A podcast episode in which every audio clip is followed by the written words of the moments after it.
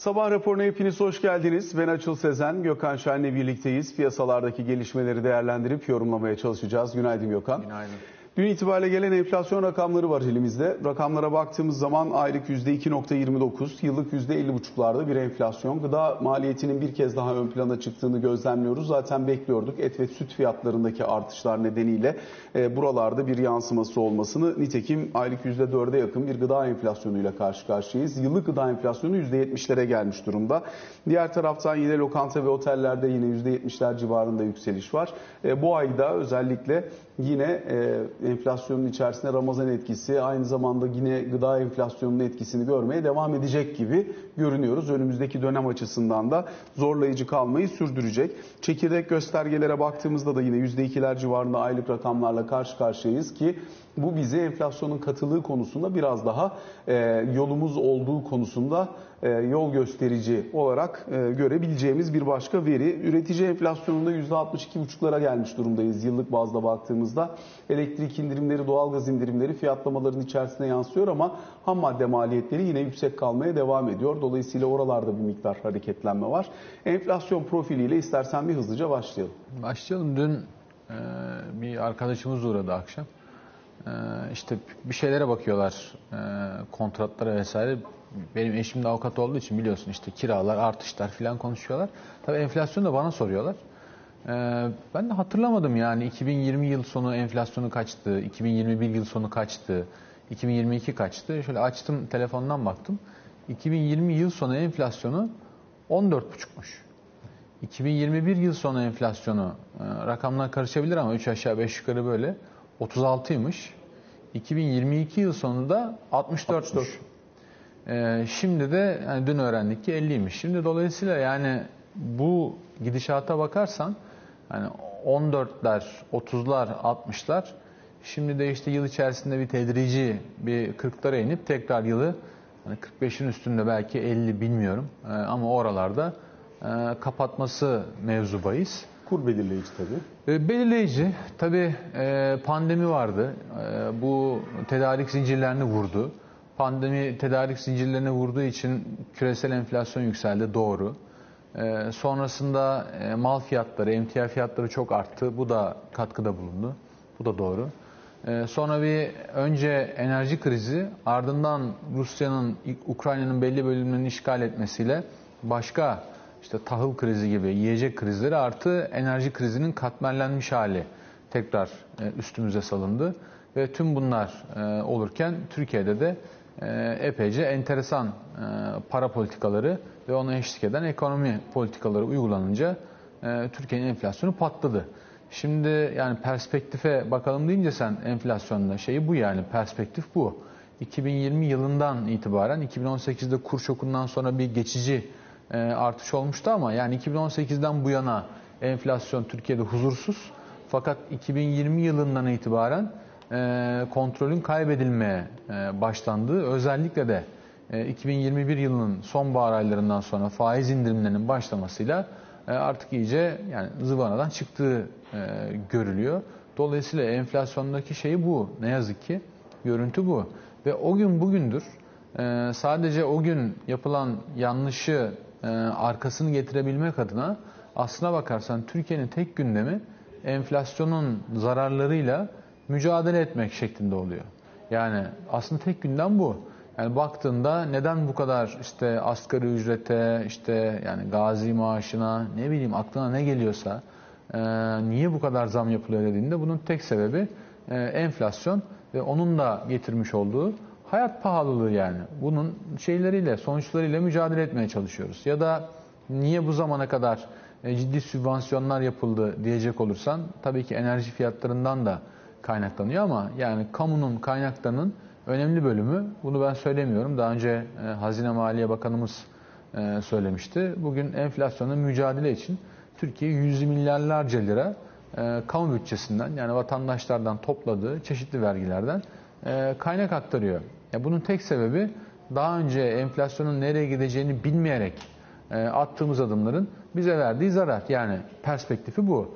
E, daha teknik gidişatı e, nasıl diye bakarsan tabii yaşadığımız e, korkunç ve üzüntü verici deprem öncesinde 30'lu seviyelere belki yaz aylarında enflasyonun inmesi, sonra tekrar yukarı çıkması ve seneyi 40'lar civarında tamamlaması öngörülüyordu. Fakat seninle burada konuştuk yani en büyük etki bir istihdam yani hem göç hem çeşitli sebeplerle istihdam emek piyasası üzerine olacak hem de e, tüketici fiyatları üstüne olacak muhtemelen diye konuşmuştuk. Çünkü tarım ve hayvancılık bölgesi e, zaten piyasa şartları kötü. Fırsatçılar da var. Politikalar da enflasyonun düşürmeye meyilli politikalar değil. O bakımdan Türkiye'de çok ciddi bir enflasyon sıkıntısı vardı. Bu bunu birazcık daha perçinledi. Şimdi dolayısıyla gidişat biliyorsun bir önceki senenin yüksek enflasyonundan ötürü geçen senenin işte Kasım Aralık ayları bir baz etkisinden ötürü düşüş göstermişti. Yani 80'lerden 60 küsürlere bizim enflasyon böyle indi. Bu baz etkisi tabi bazen lehte çalışıyor, bazen de aleyhte çalışabiliyor. Bu sene sonuna geldiğimizde geçen senenin işte Kasım aralığından e, enflasyon düşük geldiği için nispeten muhtemelen o baz etkisi çalışmayacak. Hatta biraz da belki terse işleyecek. O bakımdan yaz aylarında gıda fiyatlarının da gerilemesiyle çünkü mevsim e, ılımanlaşıyor. Tabii meyve sebze bollaşıyor, fiyatlar ucuzluyor. Öyle olunca oralardan belki bir avantajımız olacak. Ekonomi de çok canlı değil, canlı ama çok canlı değil. Bu da yardımcı oluyor. Dolayısıyla bir gerileyecek olduğu seviyelerden ama yani çok 40'ların altını e, görmeyeceğiz gibi düşünüyorum. Dolayısıyla da yıl sonuna doğru tekrar yükselecek. Artık biteceği yeri seçim sonrası muhtemelen politikalar belirler ama hiçbir şey değişmese bana yıl sonu enflasyonu sorsan 50 civarı derdim muhtemelen. Şimdi görüntü bu. E, bu ayın gelişmelerine e, gelince tabi döviz kuru e, ciddi şekilde kontrol altında olduğu için e, ithalat fiyatlarının 12 aylık birikimli e, yükü günden güne zayıflamaya başlıyor. Yani bu Türkiye için bir artı. E, bu tabi çekirdek endeksleri aşağıya çekiyor. Dolayısıyla bu işin olumlu tarafı. E, hakeza işte dünyada enerji krizi sönümlendiği için ne bileyim tedarik zincirlerinde çok büyük aksamalar olmadığı için birazdan belki ISM'i vesaire konuşurken de konuşuruz ama yani oradan da detaylar var. Ee, ciddi bir e, ulaştırma problemi, dağıtım problemi, tedarik zincir problemi dünyada görünmüyor. E, gıda fiyatlarında büyük bir sıkıntı yok. Emtia fiyatları düşük e, ve dünyada bir resesyon beklentisi son bankacılık krizinden sonra e, iyice perçinlenmiş durumda. Bunlar da bize yardımcı oluyor. Bunlar da enflasyonu düşüren bence faktörler arasında. E, o da aşağıya çekiyor. Zaten vatandaş çok yorgun. E, yani ekonomi de çok yorgun. Dolayısıyla büyük bir canlılık yok. Yani devamlı bir yani suni bir körükleme durumu var. Özellikle iç talebi. Ama genel olarak baktığında e, büyük bir şey yok, yangın yok. O bakımdan hafifliyor. Ama çok yüksek seviyelerden gerilediği için e, tabii hissedilemiyor. Yani enflasyonun düştüğünü, yani düşmek derken eksi anlamında değil ama artış hızının yavaşladığını vatandaş ne zaman hisseder? Tek hanelilere çekersin. Hakikaten şöyle bir geriye dönüp baktığında evet ya bu fiyat böyleydi şimdi de böyle diyebilir ama 50 enflasyon ortamında enflasyon düşüyor diyemezsin. Çünkü vatandaş hissetmez onu. Yani hayat pahalılığı olduğu için o birikimli gelen bir şey ve dolayısıyla onu yani devamlı hücrelerinde yaşıyor. Yani düştü denemeyecek. Bir de tabii bazı maddelerde problemler var. Ee, zannediyorum TÜİK'in bununla ilgilenmesi gerekiyor. Mesela işte İTO'nun giyim enflasyonuna bakıyorsun. Diyelim %55-60. Yani giydiğin kıyafetlerin enflasyonu. E, TÜİK'e bakıyorsun. 17. 17. E şimdi geçen şimdi İTO da yanlış ölçüyor olabilir. Dolayısıyla neden yani onu Ama referans olarak... yani onun öyle olmadığını hepimiz görüyoruz evet, yani. Yani burada kerteriz ne? Yani üstüme giydiğim cekete, gömleğe vesaire filan hani çoraba, pantolon, ayakkabıya bakıyorum.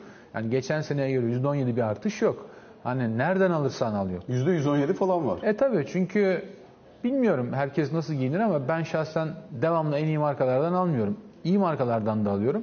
Yani çok düşük fiyata e, ya da Türkiye'de üretilen işte bir tişört vesaire falan gibi alıyorsun. makul şeyler yani görebiliyorum.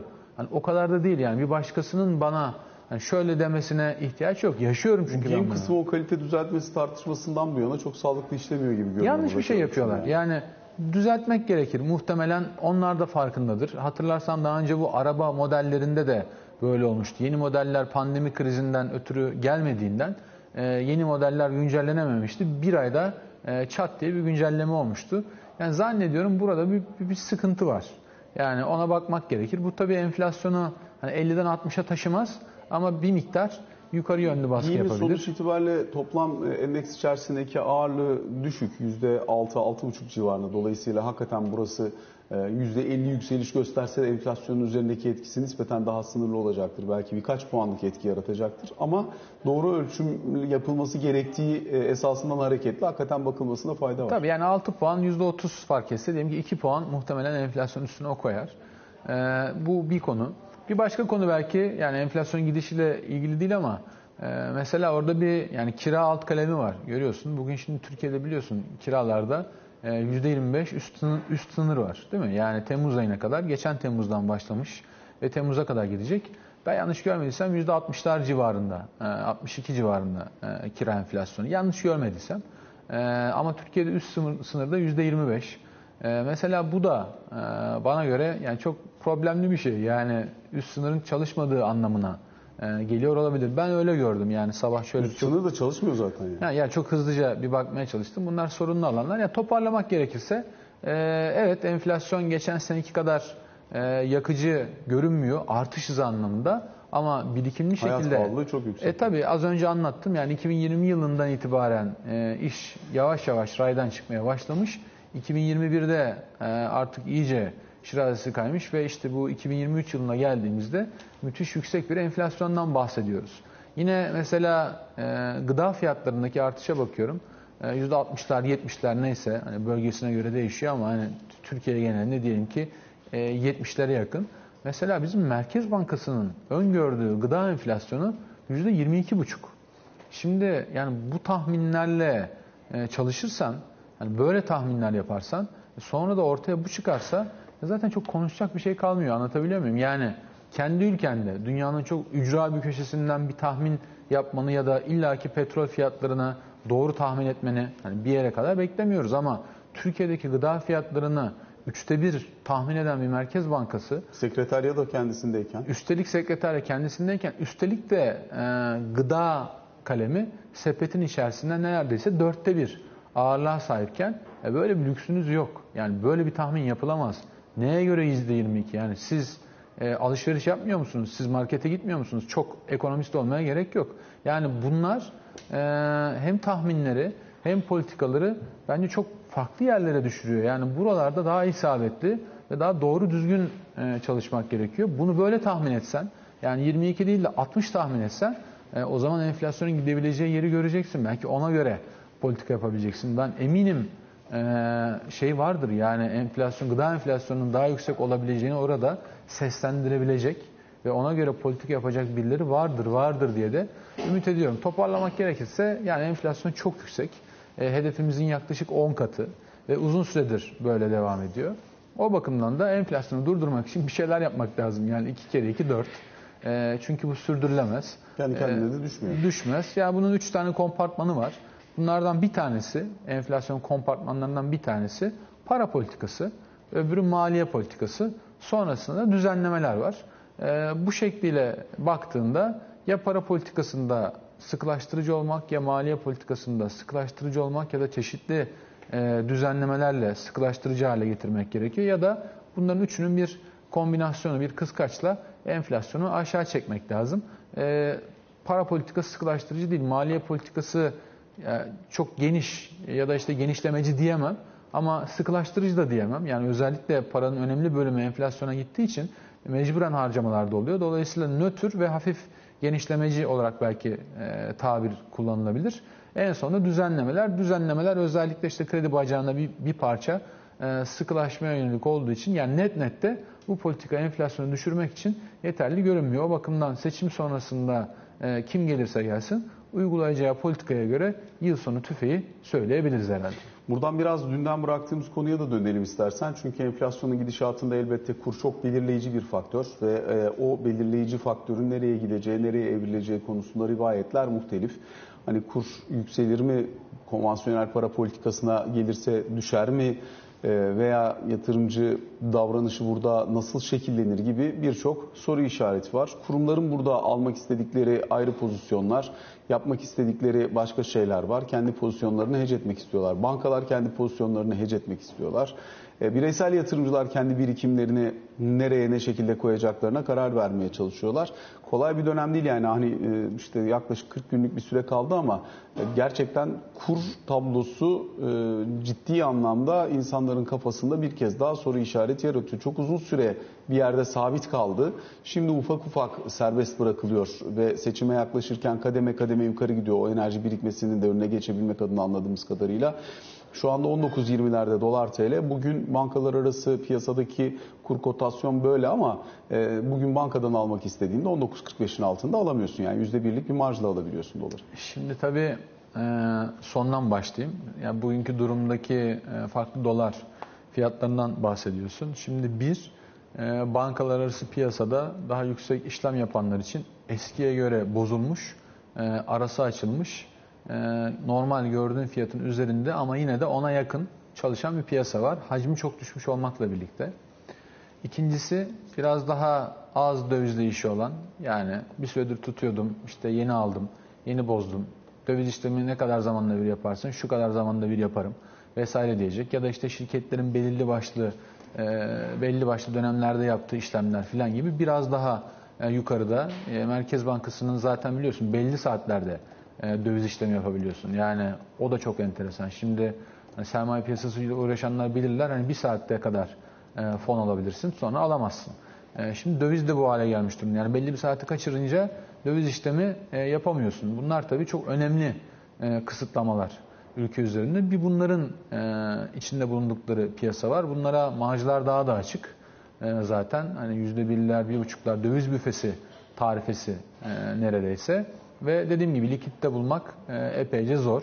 Zaten döviz büfesine gittiğinde işte kimliği, osu busu filan öyle sıkıntılar var. Bir de işin kapalı çarşı e, tarafı var. Buraya da bankalar tarafından döviz satışı gerçekleşmediğinden daha da e, yukarıda bir fiyat oluşuyor. Ve tabii yani enteresan şeyler olabiliyor. Yani bugün bankadan işlemi yapıp gidip çarşıda bozdurup karşılığında TL'ni alıp tekrar yani böyle bir ticareti çevirebiliyorsan enteresan bir.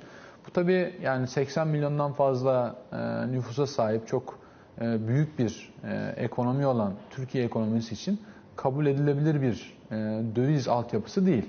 E, anladığım kadarıyla bu yani kapalı çarşı işi herhalde biraz zamanla e, düzelecek gibi görünüyor. Fiyatlar e, normalleşecek gibi görünüyor.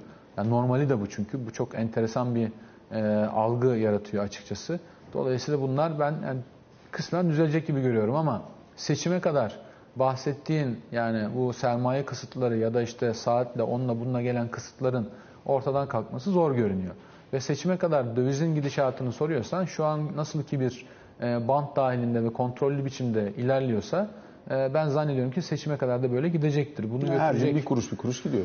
Evet yani bu normal ama enflasyon da öyle. 3 aydaki birikimli enflasyonumuz zaten %12,5 kadar. Kur ne kadar gitti bilmiyorum. Daha az gitti. Daha az gitti. Dolayısıyla aslında Türk lirası reel olarak değerleniyor. Yani çok popüler bir şey söylemiyorum farkındayım ama hani enflasyondan daha az değer kaybediyorsa bir para birimi reel olarak değerleniyor. Yılbaşından bu yana %2,5 falan. %2,5 demek ki 10 puanlık bir reel değerlenme var aslına bakarsan. Ee, dolayısıyla şimdi durum bu. Ee, Mayıs'ın 14'üne kadar yani işte 2 ay daha var. Dolayısıyla Nisan başında bir şey gördük. Ee, enflasyon gördük. Muhtemelen işte Mayıs başında bir enflasyon verisi daha göreceğiz. O enflasyon verisiyle de e, seçimlere gideceğiz. Diyelim ki e, düşük geleceğini tahmin ediyorum Nisan enflasyonu bu elektrik şey indirimleriyle beraber. Yani tabii bilmiyorum şu an. Sallayalım sıfır diyelim. 4 ayda 12,5 birikimli enflasyon olacaksa yani kurun da bu seviyelerden çok farklı bir yerde olmayabileceği kanaatindeyim ben. Dolayısıyla seçime kadar herhangi bir değişiklik beklemiyoruz. Şimdi zannediyorum şey orada başlıyor. Yani işte e, hikaye orada başlıyor. Birinci günden itibaren diyelim ki ilk turda her şey bitti. Yani e, her şey belli oldu. A geldi, B geldi. İşte Cumhurbaşkanı C oldu, D oldu neyse yani. E, birinci günden politika seti oturana kadar ki sürede ne olacak? Birinci kısım bu. İkinci kısımda açıklanan politika setinin fiyatlar üstüne etkisi ne olacak? Yani aslında bu iki aşamalı. Şimdi e, tabii Bir de bu belirgin sonuç çıktığı varsayımına dayalı. Tabii tabii kesin. Şimdi çıkmazsa mevcut yapı devam ederse e, zaten herhangi bir Yani daha değişiklik karmaşık olmayacak. bir yapıda olabilir. Yani Cumhurbaşkanlığı bir yerde, parlamento bir yerde oldu. Mesela O- bunun fiyatlaması ne olur? Olabilir. E, o zaman bürokratları kimin belirleyebileceği ve politikayı kimin yapabileceği bunu belli eder. Ama bu değişiklik oturana kadar muhtemelen Merkez Bankası yönetimi aynı politikayla aynı yerden devam edeceği için o zaman yine bence kontrol altında olabilir. Ee, yani orada çok büyük bir sapma olmaz. Ya bilmiyoruz, tahminimi söylüyorum. Şimdi tabii e, çok şey yumuşak bir geçiş olduğunu, yani ya aynı şekilde kaldığını ya da farklı yere gittiğini düşünelim. Ee, bu dediğim gibi yani birinci günden değişikliğe kadar ki aralıktan olacak sonra yeni politika seti ne getirecek? Şimdi yani mevcut durumda devam edildiği takdirde politika belli. Dolayısıyla geçiş dönemi riski ortadan kalkmış oluyor. Fakat yani geçiş dönemi riskinden kastım 3 gün 5 gün yani öyle bir şey geçiş dönemi kalmıyor. Diyelim ki e, meclis aynı ve Cumhurbaşkanı aynı şekilde devam ettin. O zaman herhangi bir geçiş dönemi yok. Politika belli. Kurban dahilinde sonra karar verilir. Ama orada bile geçiş dönemi riski olmamasına rağmen yeni dönemin politika setinin ne olacağını bilmiyoruz. Çünkü şu ana kadar e, görüşülen isimlerin yani temsil ettikleri ekol daha önce bizim bildiğimiz e, başka bir ekol. Doğru mu? Dolayısıyla e, onu ayrı değerlendirmek gerekir. Yani yeni dönemin ekonomi politikaları ne olacak bilmiyoruz ama bu politikalarla devam edilmeyeceğini görüşülen isimlerin temsil ettiği ekolden anlıyoruz. Karışık konuştum ama durum bu. Şimdi diyelim ki bir değişiklik oldu. O zaman iki tane dönem ortaya çıkıyor. Bir, geçiş dönemi. İkincisi yeni dönemdeki politika seti. Dolayısıyla burayı yönetmeye e, namzet olanların ne yapması gerekiyor? Çok da fazla beklemeden, tabii ki yani politikaya da girmek amacında değilim. Yani bu politik e, şeylere, pazarlıklara tabi muhtemelen ama mesela Hazine ve Maliye Bakanlığı ayrılır mı? Ayrılacaksa bu isimler kimler olacaklar? İşte yeni dönemde e, ticaret, sanayi bunlar çok önemli ama kısa vadede piyasa fiyatlamaz. Ama hazine, maliye ve dolayısıyla işte kamu bankalarının politikası artı Merkez Bankası gibi kurumlara ilişkin düşünceler nelerdir? E, buraya düşünülen adaylar nasıl bir politika seti benimseyecekler? Dolayısıyla ilk aldığınız günden geçiş dönemi ilan edene tam anlaşana kadar ya da anlaşılana kadar geçiş döneminde ne olacak? Eğer şunu diyorsan A kişisi gelecek. Şu anki politika geçiş döneminde bir risk yaratmamak için aynen devam edecek. O zaman geçiş dönemi riski ortadan kalkıyor. Yani diyorsun ki kur korumalı mevduat artı faiz düzeni bilmiyorum. Fakat şu haliyle yani Merkez Bankası'nın piyasaya e, döviz sağladığı ve piyasadaki işlemleri yönettiği haliyle geçmesi halinde e, o zaman yoğun bir talep olmaz. Yani bugün herhangi bir Türk vatandaşı öyle bir dönemde e, gidip de açıkçası dövize saldırmaz. Belki bozan olabilir. Ya da yurt dışından zaten kanallar da kapalı olduğu için gelip dövizi yukarı sürecek bir aktivite olamaz. Dolayısıyla seçimden sonraki ilk günlerde iki tarafında değiştiği senaryoda döviz yukarı gidemez. Şimdi ben mesela yabancı raporlara baktığımda yani kapı 24'ten 25'ten dolar TL'de e, açtıklarını görüyorum. Doğru mu? Yani işte en son Bank of America Merrill Lynch şöyle söylüyor. Çünkü diyorlar ki ya burada kur baskı altında kaldığı için reel olarak da çok değerli. Gelip biraz bırakıp Yukarı ondan sonra bakacak. lazım. Şimdi bu ne zaman ait bir risk? Bu geçiş dönemi yani bir hafta 10 günlük neyse o iki hafta da olabilir bir ay da olabilir ben onu bilmiyorum ama yani o bahsettiğim periyottan sonraki döneme ait bir e, tahmin seti olabilir. Onu da tartışmamız gerekir. Yani hani BOFA öyle söylüyor, Morgan Stanley, Goldman böyle söylüyordu, öyle olacak diye bir durum yok. Olmadığını da çok gördük zaten. Kesinlikle olmayabilir. Dolayısıyla orayı aklı selim düşünmek lazım. Şimdi bundan sonra yani ben e, piyasa likiditesini yönetmişim ve yeni kararlar açıklıyorum. Bu ana kadar yani buraya namzet olanların ya şuna karar vermeleri lazım. Yani sen IMF'den e, bir hat mı açacaksın? Fed'le bir swap mı yapacaksın? Mevcut belki şu anki mesela işte Suudi Arabistan, işte Katar, ne bileyim Birleşik Arap Emirlikleri, Rusya belki bunlar bizi seviyorlardı. Belki daha mı çok sevecekler? Bilmiyorum. Belki bir beşer milyar dolar daha mı bir şey açıklayacaklar ya da e, yani İhtiyaç da olmayabilir ki. ya da ya da biz geri çekeceğiz. Ya bu, bunları mesela e, çözmeleri gerekiyor. Artı e, bir program mı açıklayacaksın? Mesela işte diyelim ki bütçe açığına %2 e, çıpası koyuyorum. İşte kanuna ekleyeceğim. %2 bütçe açığı geçemez mesela. Ya da işte belli bir harcama. Bu mesela bambaşka bir olay. E, ilk fırsatta faizli şu an piyasa faizi kaç mesela? 35'ler civarı mı geçiyor mevduat? Ya ilk fırsatta ben faiz arttırmayacağım. Piyasada zaten 35. 35'e koyacağım Merkez Bankası faizini dediğin zaman kur nasıl hareket ediyor? Ona bir bakmak lazım. Yani orada çok e, küçük bir pencere olacak. Kurun olması gerekenden değerli olduğunu ben de farkındayım.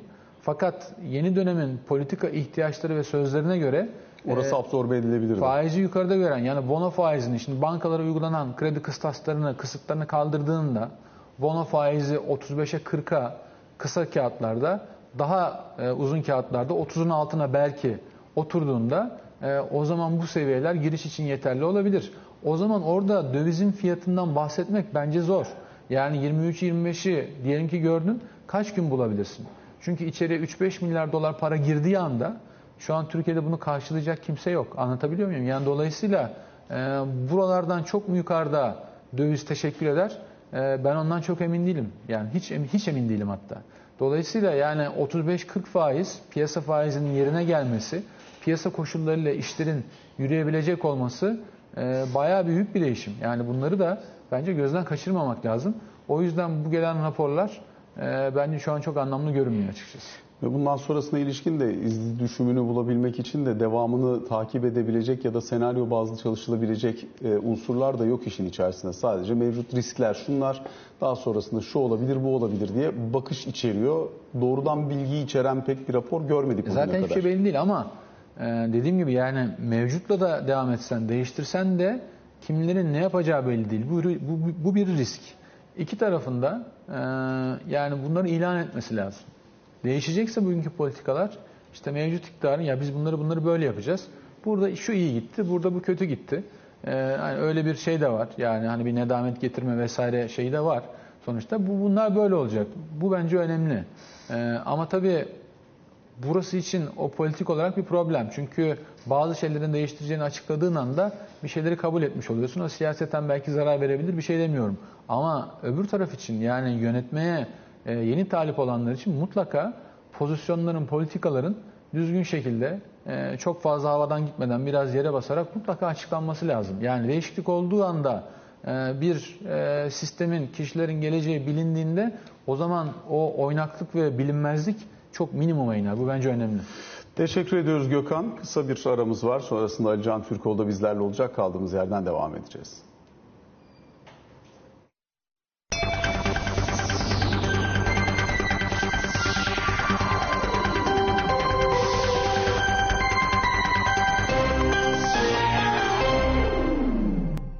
Sabah raporunun ikinci bölümüyle karşınızdayız. Ali Can Türkoğlu bizlerle birlikte. Ali Can günaydın. Günaydın. Siyaset sahnesi yine seçim üzerinden devam ediyor. Ee, Bütün adayların kendi açıklamaları var. Partilerin kendi içindeki değerlendirmeleri var. Dün akşam e, Mehmet Akif Ersoy'un konuğu e, Muharrem İnce'ydi. Memleket Partisi Genel Başkanı. E, neden adaylıktan çekilmediğini, kendi plan ve projelerinin neler olduğunu, nasıl bir ekiple Türkiye'yi yönetmeye talip olduğunu aktardı.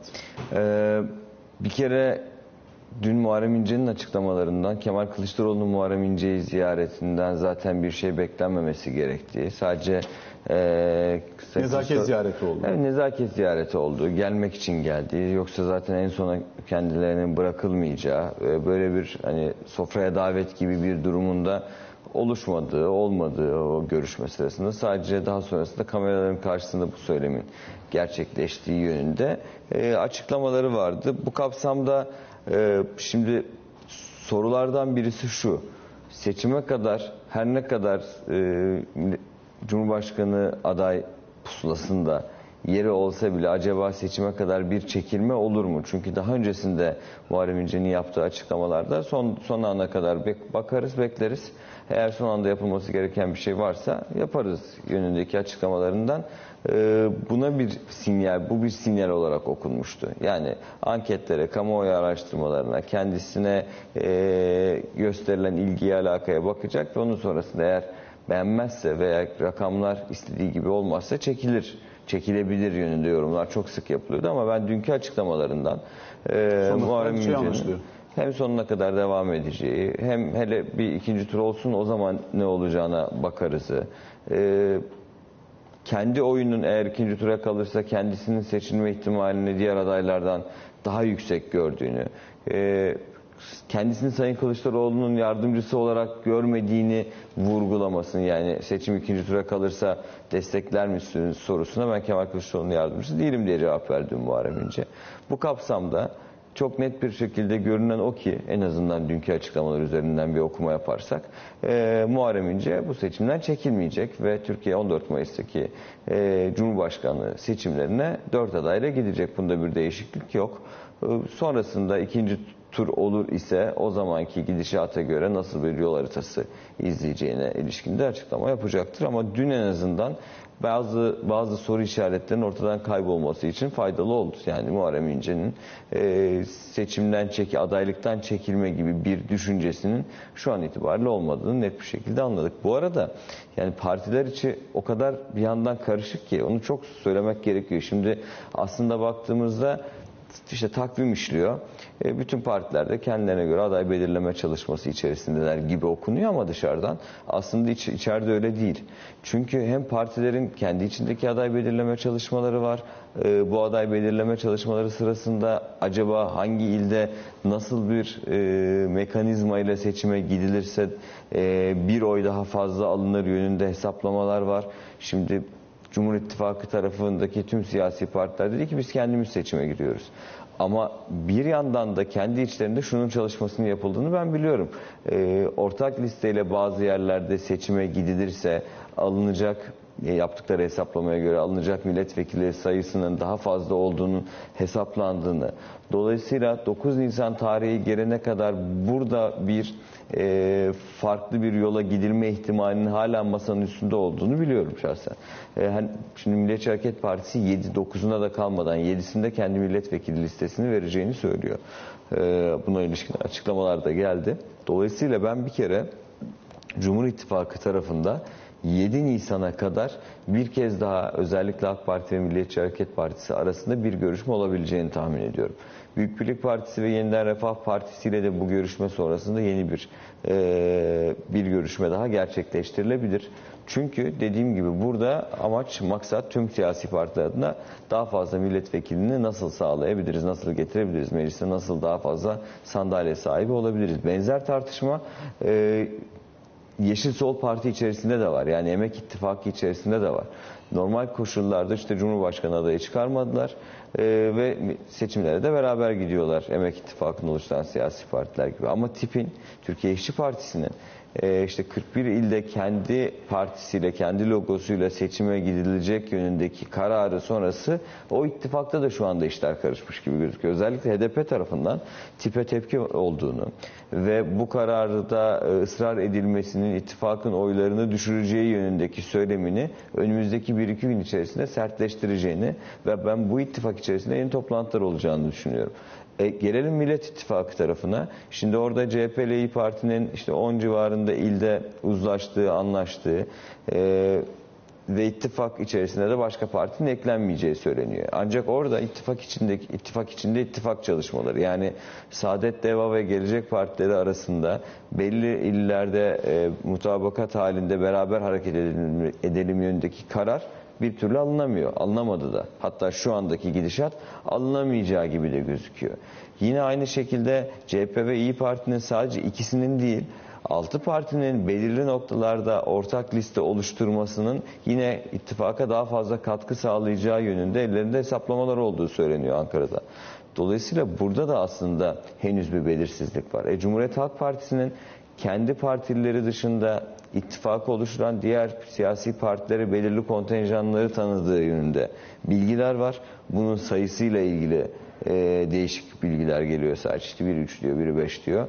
E, burada eğer 9 Nisan'da CHP içerisinde ittifak içindeki İyi Parti dışındaki diğer e, 4 siyasi partiye beklenenden fazla kontenjan verilirse Cumhuriyet Halk Partisi'nin kendi içi, kendi örgütleri buna ne diyecek?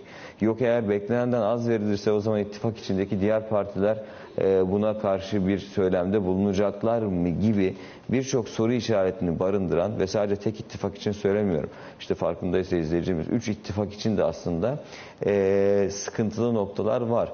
Dolayısıyla e, yurt dışı oyları nasıl siyasi partilerin kendilerini nasıl çekeceği, nasıl bir e, organizasyon içinde bulunacaklarına yönelik soru işaretleri hala duruyor. Dolayısıyla 9 Nisan tarihine kadar şimdi dün hem sabah hem akşam takvimi ayrıntılı verdik. O yüzden bugün tekrarlamıyorum. Olmadı akşam tekrarlarız. O e, 9 Nisan tarihine kadar siyasi partilerin buradaki aday belirleme çalışmalarında hangi yolu, yöntemi, taktiği izleyecekleri hala belli değil. Dolayısıyla izleyicilerimiz bütün bu hafta içerisinde tüm siyasi partilerin genel merkezlerinde değişik toplantıların olduğunu tanıklık edeceklerdir. Bu toplantılar sonrasında nasıl bir karar çıkacağını ise işte 9 Nisan'da göreceğiz. Teşekkür ediyoruz Alican. Sabah raporuna böylelikle son noktayı koymuş oluyoruz. Hoşçakalın.